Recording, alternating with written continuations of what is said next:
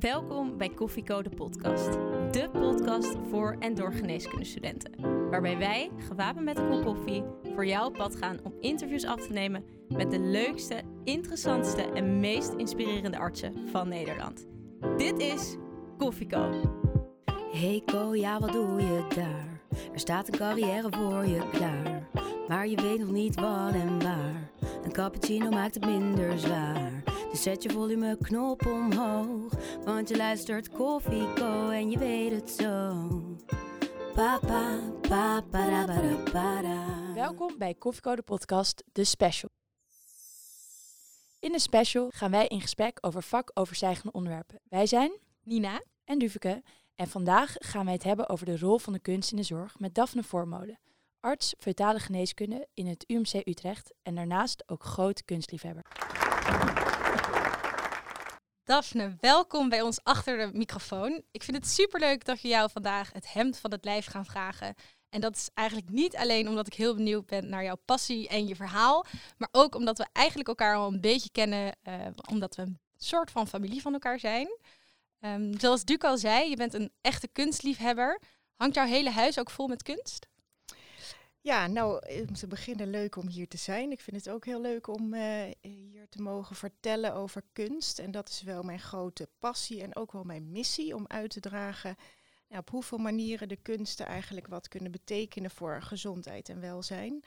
En eh, ja, in mijn huis hangt behoorlijk wat kunst. En dan is natuurlijk een beetje de vraag wat kunst allemaal is, maar er valt een hoop te zien bij ons thuis. Ja. En van wat voor soort kunst hou je dan het meest?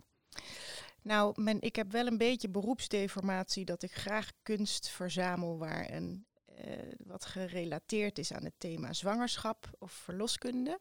Dus dat is wel de, heeft wel de overhand. Maar uh, iets met mensen vind ik leuk. Dus er staat eigenlijk altijd wel een mensfiguur op. En wat is je lievelingsstuk? Nou, er hangt in onze woonkamer een kunstwerk van, uh, nou ja, ongeveer uh, anderhalf bij twee meter. Enorm uh, kunstwerk van een Franse kunstenares. En dat is een tekening van zichzelf toen zij hoogzwanger was. Um, waarbij ze ook haar zwangere buik, maar ook haar hand met een potloodje heeft getekend. En dat kunstwerk heb ik gekocht toen ik promoveerde. En het stond ook op de voorkant van mijn proefschrift. Omdat het uh, nou ja, verwijst naar de creatie van een vrouw, van een baby. En de creatie van haar kunst. En voor mij dus ook naar de creatie van mijn proefschrift. Dus en kijkt jouw man ook hier graag naar? Nou, het is vrij confronterend, want er hangt dus een twee meter blote vrouw bij ons in de woonkamer, maar uh, hij is het gewend. Wij vinden koffie drinken ook een kunst. Hoe drink jij je koffie? Met in ieder geval melk. Cappuccino. Cappuccino.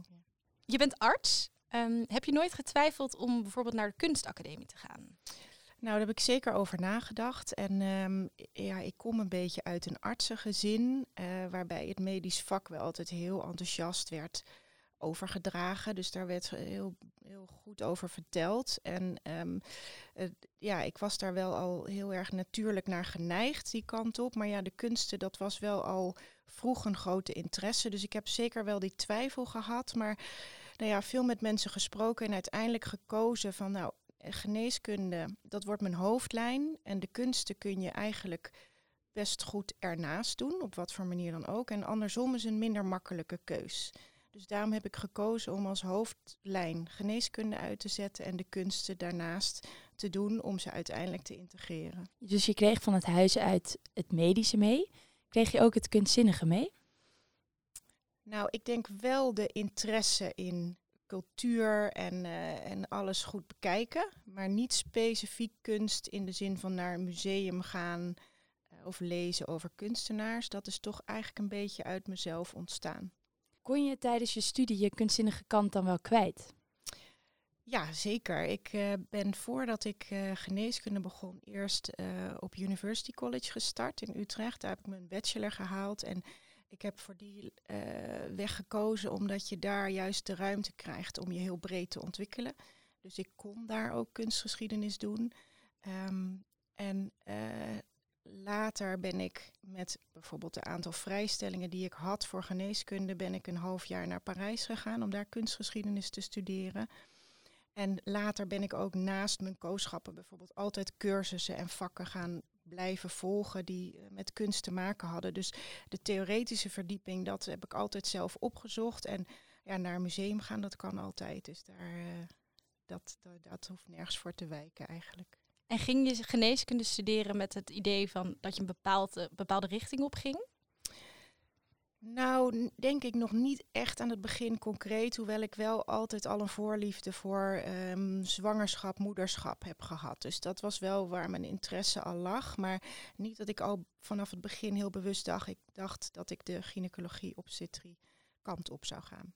Zijn er eigenlijk specialismes waar je meer of minder creativiteit, ja, dat daar, daar meer mee te maken heeft of dat je het daar beter kwijt kan?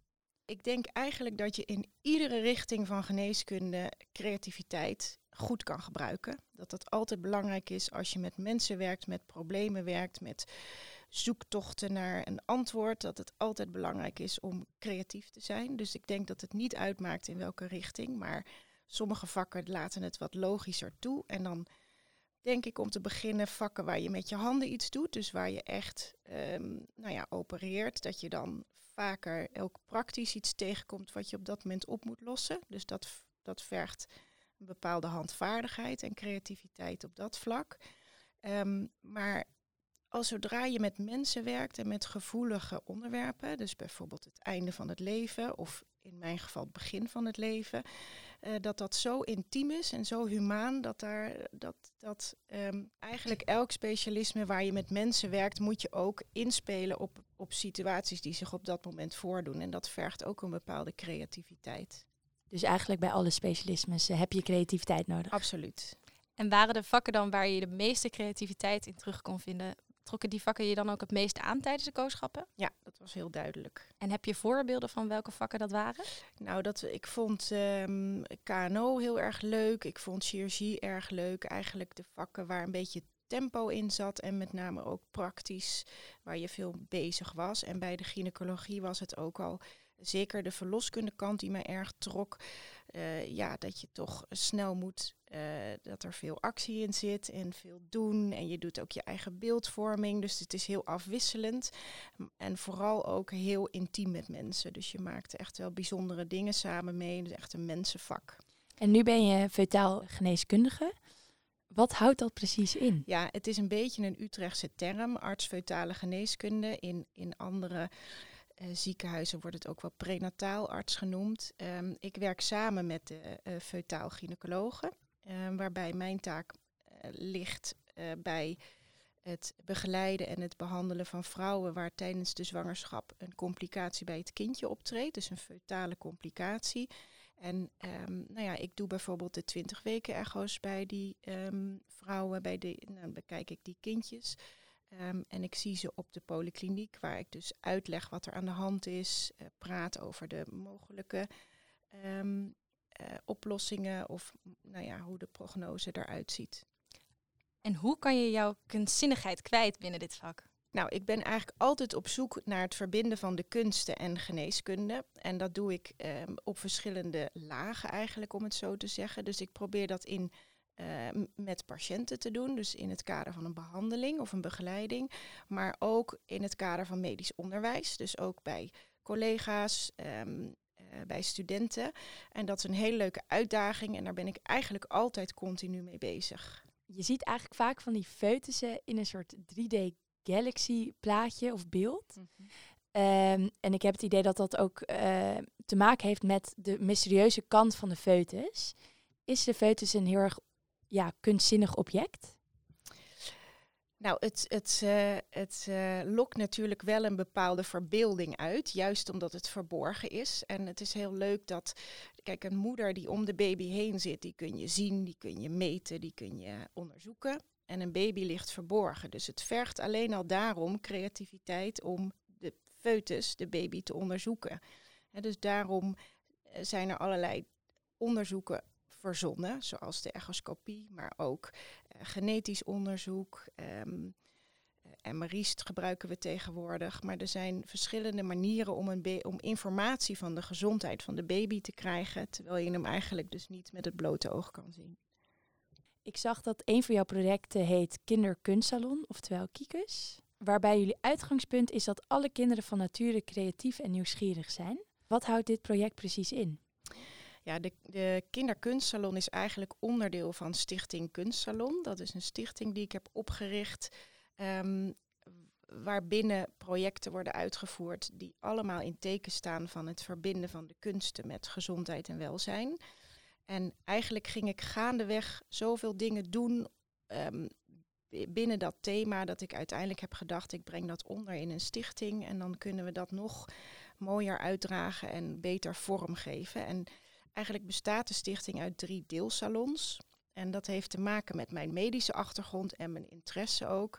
En één daarvan is de kinderkunstsalon, waarbij ik schilder of um, nou ja, iets creatiefs doe met kinderen. Um, en ook met kinderen in het ziekenhuis. Dus dat kunnen ook zieke kinderen zijn. En wat kun je bijvoorbeeld leren van kinderen wat betreft kunst?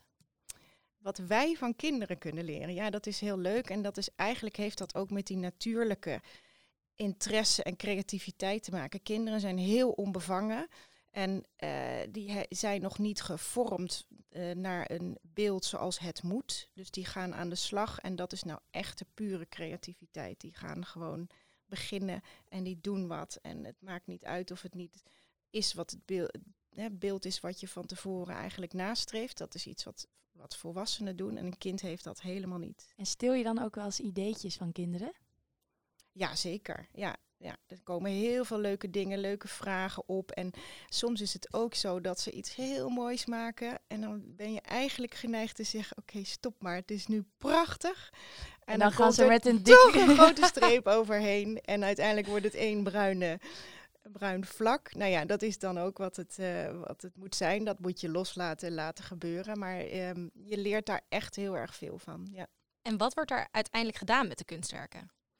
Nou, bij de kinderkunstsalon, als het dus uh, in het ziekenhuis is. Dus ik heb het een aantal keer in het Wilmina Kinderziekenhuis gedaan. En dan komen er kindjes die opgenomen liggen of die polyklinisch in het ziekenhuis zijn. En de kunstsalon bestaat eigenlijk altijd uit drie delen. En het eerste is dat we naar kunst kijken. Het tweede is dat we kunst bespreken. En het derde is dat we kunst beoefenen. Dus bekijken, bespreken en beoefenen. Dus ik bouw een soort museumgedeelte waar allerlei voorbeelden hangen naar aanleiding van een thema of een kunstenaar. En daar kijken we naar, daar kunnen we over praten. Dat deel gaat eerlijk gezegd in het ziekenhuis wat snel voorbij. Maar goed, het, het is onderdeel van, het hele, van de hele belevenis. En vervolgens is er een soort ateliergedeelte waar kinderen dus aan de slag kunnen. En dan probeer ik binnen dat thema iets te bieden wat we dan zelf gaan maken. En zijn er bijvoorbeeld momenten geweest in je leven waarin jij je creativiteit tijdelijk kwijt was? Nee, nou ligt mijn talent ook niet per se bij het zelf iets maken hoor. En, en uh, geniet ik vooral heel erg van kijken. Um, dus ik ga, ik, ben, ik ga liever naar een museum toe dan dat ik zelf iets maak. Maar eigenlijk is dat op ieder moment, of het nou een hoogtepunt in je leven is of een dieptepunt, heeft dat altijd wel een waardevolle plek in mijn leven. Is het er altijd al wel ja. geweest? Ja. ja. En was kunst altijd al een onderwerp binnen de geneeskunde? Of ben jij echt een pionier in dit opzicht? Nou, ik denk wel dat er nu een tijd is waarin dat uh, meer ontstaat. Uh, dus in die zin, ik zou mezelf niet zozeer een pionier noemen, maar ik denk wel dat er nu steeds meer aandacht voor komt. En dat de waarde van uh, de kunsten voor gezondheid en voor de gezondheidszorg wel steeds meer duidelijk worden en ook omarmd worden. Uh, dus het is wat dat betreft de perfecte tijd uh, om dit uit te gaan dragen. En ik merk ook dat hoe meer ik ermee bezig ben, hoe meer mensen ik tegenkom die, dat, die zich daarbij aansluiten. En, nou ja, en als je natuurlijk meer mensen verzamelt, dan wordt de boodschap steeds sterker. En wat is die boodschap? Die boodschap is dat het uh, heel waardevol is voor de gezondheidszorg om een link te leggen met de culturele sector en de kunsten in te zetten voor het medisch onderwijs, voor behandeling, voor gezondheid en welzijn in het algemeen. En behalve Kiekes heb je ook nog andere projecten. Kun je daar iets meer over vertellen? Ja, Kiekes is dus een van de deelsalons. Um, een andere is, een, de, dus ik heb de kinderkunstsalon, de moederkunstsalon en de medische kunstsalon. En de moederkunstsalon, daar, nou ja, ik werk natuurlijk met moeders, met aanstaande moeders.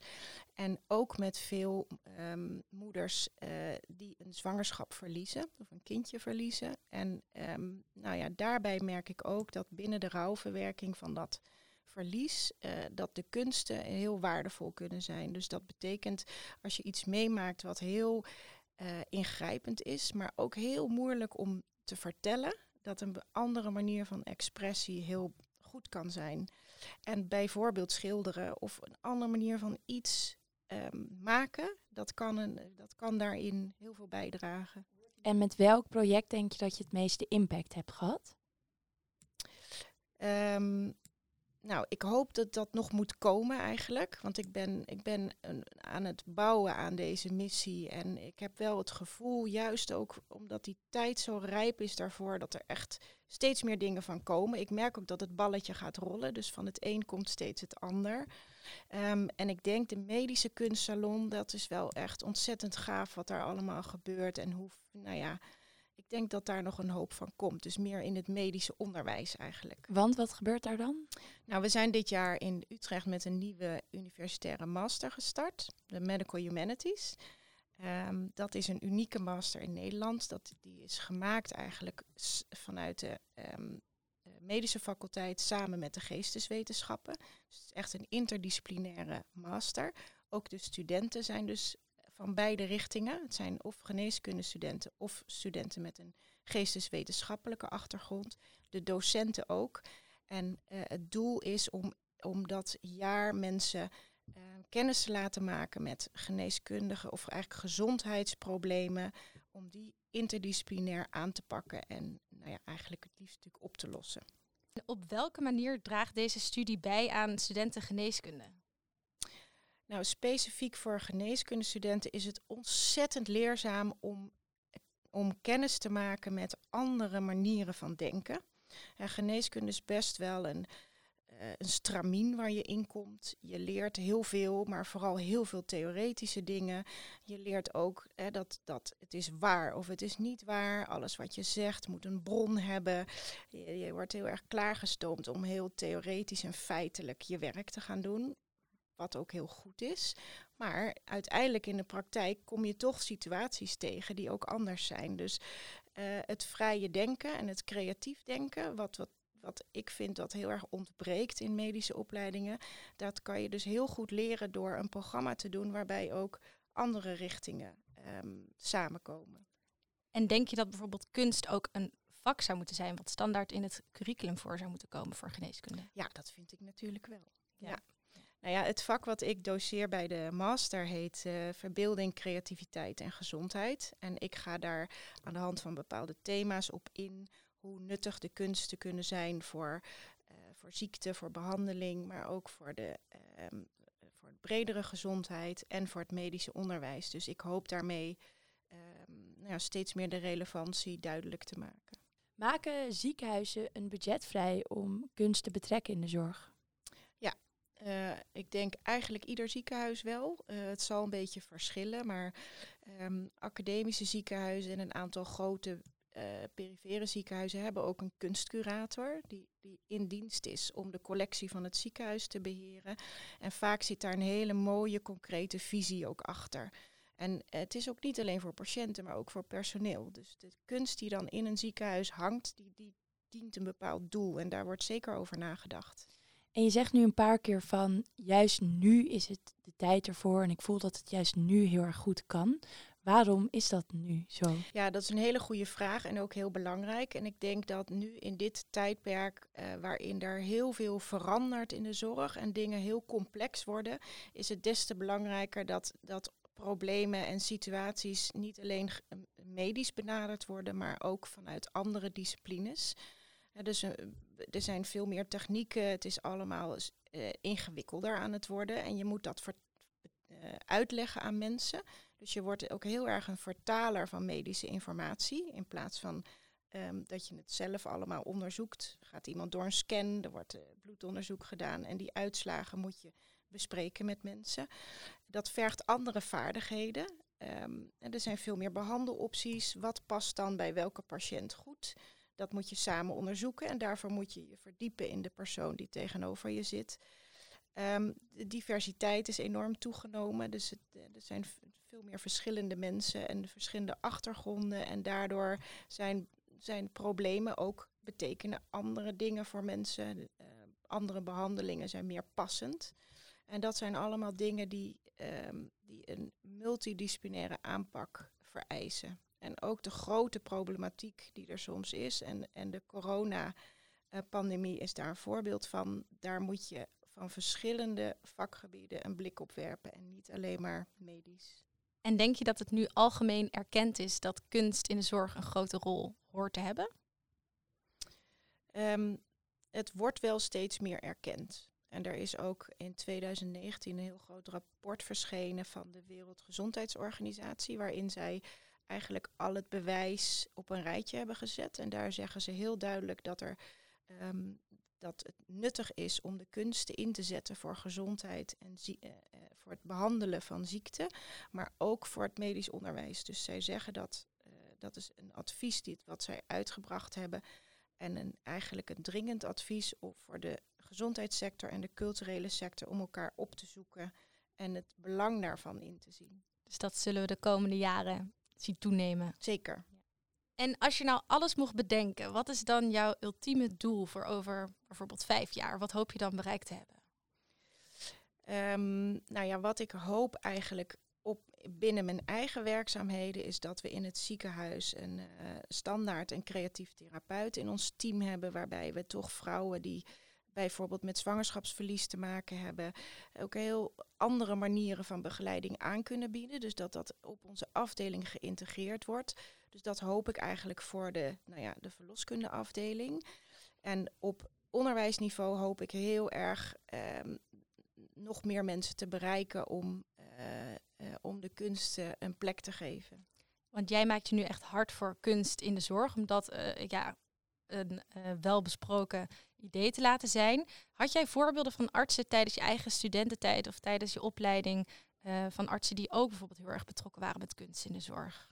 Nee, eigenlijk niet. Ik ben dat niet tegengekomen. Ik heb dat dus zelf wel altijd geprobeerd op te zoeken. En soms ook wel dat mensen zeiden, ja, wat, wat is het nut ervan? Of waar ben je mee bezig? En eigenlijk aan het begin wist ik dat zelf ook niet zo goed. Maar ik voelde toch dat, daar, uh, nou, dat er zoveel potentie in zit dat ik daarmee doorging. Um, en gaandeweg wordt het dus ook steeds concreter. En ik denk um, voor het medisch onderwijs dat je wat je eigenlijk wat je leert als um, jonge dokter, maar ook als specialist, wat je leert van bezig zijn met de kunsten, dat is eigenlijk heel erg breed. En ik deel het zelf altijd in in drie, drie onderdelen. Het eerste is dat je er klinische vaardigheden door verbetert. En dat is bijvoorbeeld het goed bekijken en het verder kijken. Um, daarnaast leer je ook creatief denken, wat, wat op veel um, manieren in je dagelijkse werk belangrijk is. En het derde zijn humanistische werkwijzes die je verbetert door met de kunsten bezig te zijn. Dus je ontwikkelt meer empathie, je raakt uh, ontspannen met het onbekende, met verschillende betekenissen van hetzelfde. Er zijn een aantal dingen die je heel erg goed kan trainen door met de kunsten bezig te zijn. En heb je wel eens dat je bij, naar een bepaald kunstobject kijkt en echt denkt, ik moet huilen, dit is zo mooi? Nee, nee. je hebt wel mensen die in tranen uitbarsten bij, uh, bij het zien van een beeld. Ik heb dat zelf niet gehad. Um, ik kan wel ontzettend genieten, maar ik vind eigenlijk juist altijd het verrassende of uh, de humoristische dingen vind ik juist altijd heel leuk. Um, dus ik, ik ben meer van de blije, uh, blije kunst, om maar zo te zeggen, dan de, dan de droevige kant. En er is een uh, kunstenaar, Banksy, ik denk dat je hem wel kent. En hij ging voor een lange tijd anoniem door het leven. Zou jij dat kunnen, dat je iets heel moois maakt, maar daar geen erkenning voor krijgt? Nou, ik denk dat het er een beetje van afhangt wat je dan maakt. En hij maakt dingen die, waar juist dat mysterieuze een echt een essentieel onderdeel is van zijn werk. Dus in die zin heeft hij misschien weinig keus. Want ja, hij, maakt hij doet hele gevoelige thema's, politieke boodschappen. En ergens, zonder dat iemand het weet, popt er weer een werk van hem op. Um, dus dat, dat, dat geeft heel erg de spanning achter zijn werk. Dus, dus daar past het heel goed bij. Maar als je iets maakt waarbij je misschien meer toelichting moet geven, waarbij je uh, ja, toch, toch meer betrokken moet zijn bij waar komt het terecht. Hè? Want hij maakt het ergens op, hij kiest al de plek, maar dat is bij heel veel andere werken niet het geval. Dan moet je er toch bij, bij je werk betrokken blijven. Dus dan werkt dat minder goed, denk ik. Want ik denk namelijk ook dat dat wel een groot ding is in, in de medische wereld. ik vraag me in ieder geval dat altijd af. Van hoeveel doen we nou eigenlijk voor de patiënt en hoeveel doe je voor de erkenning? En ik denk dat dat wel overlap heeft ook met de kunst. Maar ik ben benieuwd wat jij daarvan vindt. Nou ja, het geeft dus altijd wel een heel fijn gevoel om iets te maken. Dat is ook heel krachtig als je iets maakt en ehm, nou ja, dat geeft een vitaal gevoel. Maar het maakt je ook heel kwetsbaar. Als je iets maakt en je vraagt aan iemand wat vind je ervan, of kijk eens wat ik heb gemaakt, moet je maar voorstellen. Dat, dat is heel kwetsbaar op dat moment, want je krijgt namelijk een mening. Of je krijgt te horen of die boodschap klopt en overkomt, ja of nee. Dus het is, ja, ik denk dat het, dat, dat, dat echt wel anders is uh, bij het maken van kunst dan bij het bedrijf van geneeskunde. De co-telefoon. Ja, daar hebben we de co-telefoon weer. En dit keer heeft Rebecca, onze luisteraar, een vraag ingesproken voor Daphne. Heb je tips hoe je je hobby met je werk kan combineren? Um, ja, als je een hobby hebt waarbij je dat wil, dan um, is denk ik de belangrijkste tip: begin gewoon met het combineren. Doe iets, zoek naar raakvlakken en begin met kleine dingen. Bijvoorbeeld uh, het kunstwerk op de voorkant van je proefschrift. Ik noem maar iets. Ik had ook een hoofdstuk toegevoegd aan mijn proefschrift over zwangerschap in kunst. Had op dat moment geen enkel doel, maar het droeg bij aan mijn gevoel dat ik, die, dat, ik dat moest combineren. Dus ik zou zeggen, begin klein en kijk gewoon hoe je van het een weer op een ander idee komt, wie daarbij aansluit, wie je op je pad tegenkomt. En op die manier kan het toch weer steeds groter worden. En heb je een voorbeeld van ja, in dit geval een patiënt of misschien een kindje, omdat je dat met dat kikus deed, waarbij jij echt zag, dit, ja, het feit dat we nu hier met kunst bezig zijn, zorgt dat deze patiënt sneller verbetert of zich ja, beter voelt? Ja, met kindjes is dat wel heel bijzonder om te zien. Uh, het, het geeft ze natuurlijk veel afleiding op dat moment. Uh, het geeft ze de ruimte voor expressie, dat ze toch eventjes wat kwijt kunnen. Of dat nou lekker even uh, hard bewegen is of veel kleur of juist heel klein gedetailleerd. Het geeft ze even de mogelijkheid om een bepaald gevoel kwijt te kunnen. Um, en kinderen zijn toch altijd, als ze wat gemaakt hebben, trots. Dus zij zijn niet zo bezig met wat vindt iemand ervan, maar ze hebben dit gemaakt. En als je het in zo'n setting doet, dan is het ook nog eens gewoon echte kunst. Want ja, het, hangt, het kunstwerk hangt ernaast en zij hebben het ook gemaakt. En het, dat wat je dan ziet, hoe trots ze zijn als ze dat gemaakt hebben, dat is fantastisch. En, en ik weet zeker dat dat bijdraagt aan hun uh, nou ja, mentale gezondheid, aan het herstel, aan uh, minder pijn, et cetera. Daar zijn wel uh, duidelijk effecten van. En het kindje neemt het vervolgens mee naar de afdeling. Dat hangt daar. Hij laat het zien aan de verpleging, aan het bezoek. Iedereen zegt, ach wat mooi heb je dat gemaakt. En zo heeft het ook nog daarna een nasleep dat dat toch een onderwerp van gesprek is, waarbij dat gevoel ook weer opgeroepen wordt. Dus je hebt eigenlijk één grote passie kunst. Is, wat is een grotere passie? De medische wereld of kunst? Nou, de combinatie is het grootst. Dus dat is eigenlijk allebei even sterk. Dan ben ik ook wel benieuwd, want dat zijn twee best wel grote onderdelen, lijkt me, in je leven. Wat doe jij naast kunst en het ziekenhuis? Ja, mijn gezin. dat is ook een, uh, een uh, fulltime taak. En uh, ja, dat, dat daar. Ja. En draag je deze twee passies aan en over, aan je kinderen? Ja, ik, um, ik ben uh, ik ben thuis ook heel veel in de opvoeding bezig met de kunsten, meer dan met geneeskunde, want dat is minder praktisch toepasbaar. En als ze nog klein zijn, dan is dat ook, heeft dat nog niet zoveel plek. Maar de kunsten zijn zeker onderdeel van de opvoeding. En uh, dat is zowel iets maken als naar een museum toe gaan en iets bekijken. En zie je jouw kunstzinnigheid ook al terug in je kinderen? Uh, ja, nou, het plezier daarin zeker. En het bekend zijn met, uh, met de kunstwereld, uh, maar ook muziek en, um, nou ja, en het creatief denken is wel leuk. En je merkt gewoon dat bepaalde dingen die specifiek voor een kind lastig zijn, dat ze er echt in dingen van leren door bezig te zijn. En een voorbeeld is bijvoorbeeld dat sommige kinderen vinden het heel lastig als iets op een gegeven moment niet lukt.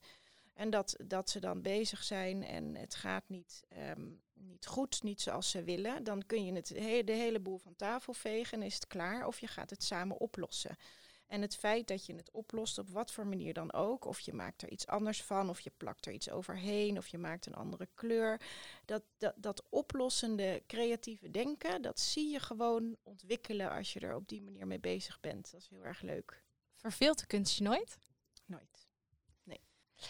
Dan zijn we denk ik aangekomen bij de wat als vraag. Ehm, en dat is deze keer, wat zou je doen als je vandaag een dag zou mogen doorbrengen met bijvoorbeeld Picasso? Ehm, wat ik zou doen? Nou, ik zou denk ik eh, de hele dag met hem praten en met hem gaan schilderen. En eh, vooral zien hoe hij dat doet en, eh, en zijn werk mee naar huis nemen. Nog meer kunst thuis ophangen. Ja, het is wel, want Picasso is dan van alle kunstenaars, denk ik, uitgerekend de persoon die ik, die ik naast me aan tafel zou willen hebben. Nou, dat hebben we goed uitgekozen. uitgekozen. Zou je dan nog een normaal zinnig gesprek kunnen hebben of val je dan niet helemaal stil? Nee, nee, nee. Lijkt me echt waanzinnig om die man te spreken. ja. Enorme charmeur was dat ook trouwens. Dus, oh, uh, nou. Ja. Leuk gesprek zou het zijn. Ja. Dineetje. Ik had nog één vraag. Um, nou, ik wilde jouw Pinterest bekijken en daar uh, stond bij één mapje stond er genoteerd: dit bord bevat mogelijk gevoelige content. Hou je ervan de kijker te chockeren? Met kunst wel. Ik vind chockerende kunst altijd wel prettig en leuk. Um, je moet voorzichtig zijn met dat dat dus niet de binnenkomer is, want dat houdt mensen ook uh, op afstand. Um, maar het is juist heel tof als kunst veel effect heeft. En uh, dat was waarschijnlijk een kunstwerk van een blote vrouw. Uh, en, en je merkt ook echt wel het preutse, wat, wat nog heel erg speelt. En ik vind het wel leuk om dat een beetje te prikkelen en uit te dagen. Uh, ik doe bijvoorbeeld, afgelopen jaar heb ik uh, de cover van het Nederlands tijdschrift van obstetrie en gynaecologie uh, vormgegeven. Dus een kunstwerk geselecteerd en daarover een kunstrubriek geschreven in het blad. En om een grappig voorbeeld te geven, had ik als eerste cover het werk wat bij mij dus aan de muur hangt gekozen. Dat leek me een prachtige begin. En de naakte vrouw met de De naakte zwangere vrouw. En je ziet eigenlijk haar gezicht niet eens, dus het is ook nog vrij anoniem. Maar je ziet borsten, een buik, naakt. Nou, dat vonden ze toch wel erg heftig. En dan heb je dus over mensen die openstaan voor kunst en, en gewend zijn naar een blote zwangere buik te krijgen, kijken. En dat was toch een beetje te, uh, te chockerend. En um, dat, dat was wederom een, uh, een grappige eye-opener. Ik kan niet geloven, ja. dit hebben gynaecologen gezegd. Ja. ja. En, en is dat kunstwerk toen veranderd? Ja, ik heb me braaf aangepast. Want de eerste keer moet je dan ook. Dus misschien had ik hem dus moeten bewaren voor ietsje later. um, maar uh, ik had het niet aanzien komen. Het is een zwart-wit werk. Het is echt prachtig. Um, ik zag dat niet uh, gebeuren. Maar uh, ja, het blijft, naakt blijft heel pikant. Welke tip zou jij onze luisteraars, de toekomstige dokters, willen meegeven? Ja, dan blijf ik natuurlijk toch dicht bij mijn eigen missie. En dan zou mijn tip zijn: ga alsjeblieft af en toe kijken naar mooie dingen. Luisteren naar mooie dingen. Laat de kunsten toe. En je hebt er niet alleen op professioneel vlak veel aan, maar ook op persoonlijk vlak. Dus dat zou echt mijn tip zijn. En dan een concrete tip. Heb je een mooi museum waar we heen kunnen? Ga naar Museum Voorlinden. Nou, Duik, laten we daar uh, samen heen gaan dit weekend. Goed idee. Bedrijfsuitje. Precies, ja. Co. Daphne, heel erg bedankt dat je vandaag bij ons wilde aanschuiven en ons hebt meegenomen in jouw passie voor de kunst. Lieve luisteraars, ook jullie weer bedankt voor het luisteren en we zien jullie graag de volgende keer weer bij Koffiecode Podcast. En als jullie nieuwsgierig zijn naar de studie Medical Humanities waar Daphne Voormolen het eerder over had, kijk dan zeker op hun website. Tot volgende keer bij Koffiecode Podcast.